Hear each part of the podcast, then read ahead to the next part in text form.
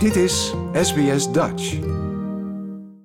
Na het succes van de Matilda's op de FIFA Women's World Cup 2023 en ter voorbereiding op hun laatste Olympische kwalificatietoernooi hebben Commonwealth Bank en Football Australia hun krachten gebundeld om het Growing Football Fund te introduceren.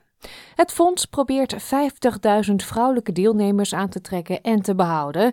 Er worden subsidies verstrekt, variërend tot 5000 dollar aan lokale clubs en verenigingen in het hele land, met als specifiek doel het bevorderen van de deelname van vrouwen en meisjes aan het voetbal. Het fonds zet in op de ontwikkeling van coaching door middel van beurzen, technische training en netwerken in het hele land. Monique McLeod is Group Executive of Marketing and Corporate Affairs van de Commonwealth Bank. Ze zegt dat de afgelopen editie van de FIFA Women's World Cup in Australië een grote impact heeft gehad op de sport in het land. The FIFA Women's World Cup was such a moment in time. It really just captured the nation as everybody uh, felt and wanted to be a part of the excitement from the CommBank Matildas, and they just did a fabulous job. So they really put football on the radar for a new generation of girls who want to play the game. Mevrouw McLeod legt uit waarom Voetbal Australia en CommBank het nieuwe Growing Football Fund lanceren. We're launching the Growing Football Fund because it's so important to CommBank and to Football Australia that we're involved from the grassroots right through to the elite level. For us, it's an opportunity to further our commitment uh, seeing that inspiration that came from the World Cup and actually just really do more to help young girls and women who want to play the sport. So it's, a, it's just a great opportunity for us to be able to do more, particularly at that grassroots level. Sarah Walsh is hoofd damesvoetbal bij Football Australia. Ze is een voormalig profvoetballer met een lange geschiedenis in de sport en vertegenwoordigde Australië op nationaal niveau op de Olympische Zomerspelen van 2004, de AFC Women's Asian Cup in 2006 en de FIFA Women's World Cup 2007.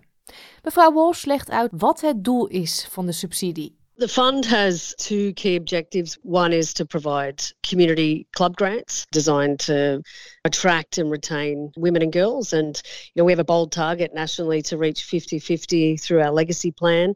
And we really do believe that these grants will provide the kickstart of investment that clubs require to, to start to think differently about how they offer football to women and girls.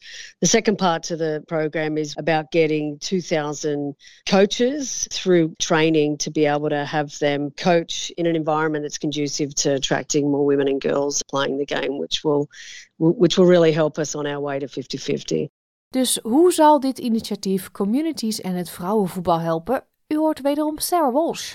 We've done such a good job, I believe, at a national level with our CommBank Matildas. We've just had sellout matches in Perth. We're driving greater awareness for women in football through our CommBank Matildas and, you know, their amazingness on the pitch. We brokered gender pay with the players in 2019, and I think that we have a really good framework for what football could look like, you know, working back from that at a grassroots level. There's no reason why we can't apply the same principles we have with our national team. I I believe this Growing Football Fund is going to go a long way to accelerating this change over the next two years. And I'm pretty excited about how we can build on it with CommBank. Walsh heeft ook nog wat advies voor mensen die mee willen doen.